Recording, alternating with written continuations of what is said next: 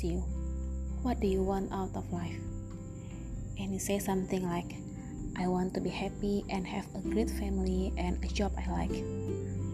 Your response is so common and expected that it doesn't really mean anything. Everybody enjoys what feels good. Everyone wants to live a carefree, happy, and easy life. To fall in love and have amazing sex and relationship. To look perfect and make money and be popular and well respected and admired and a total baller to the point that people part like the Red Sea when they walk into the room. Everybody wants that. It's easy to want that.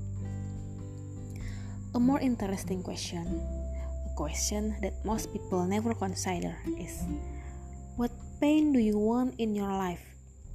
What are you willing to struggle for? Because that seems to be a greater determinant of how our lives turn out.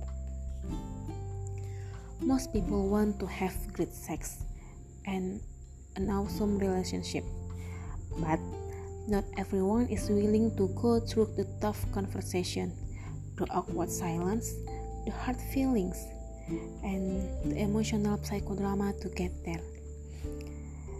And so they settle. They settle and wonder, what if? For years and years, until the question morphs from what if into what else. And when the lawyers go home and the alimony check is in the mail, they say, What for? If not for their lowered standards and expectation 20 years prior, then what for? Because happiness requires struggle, it grows from problems.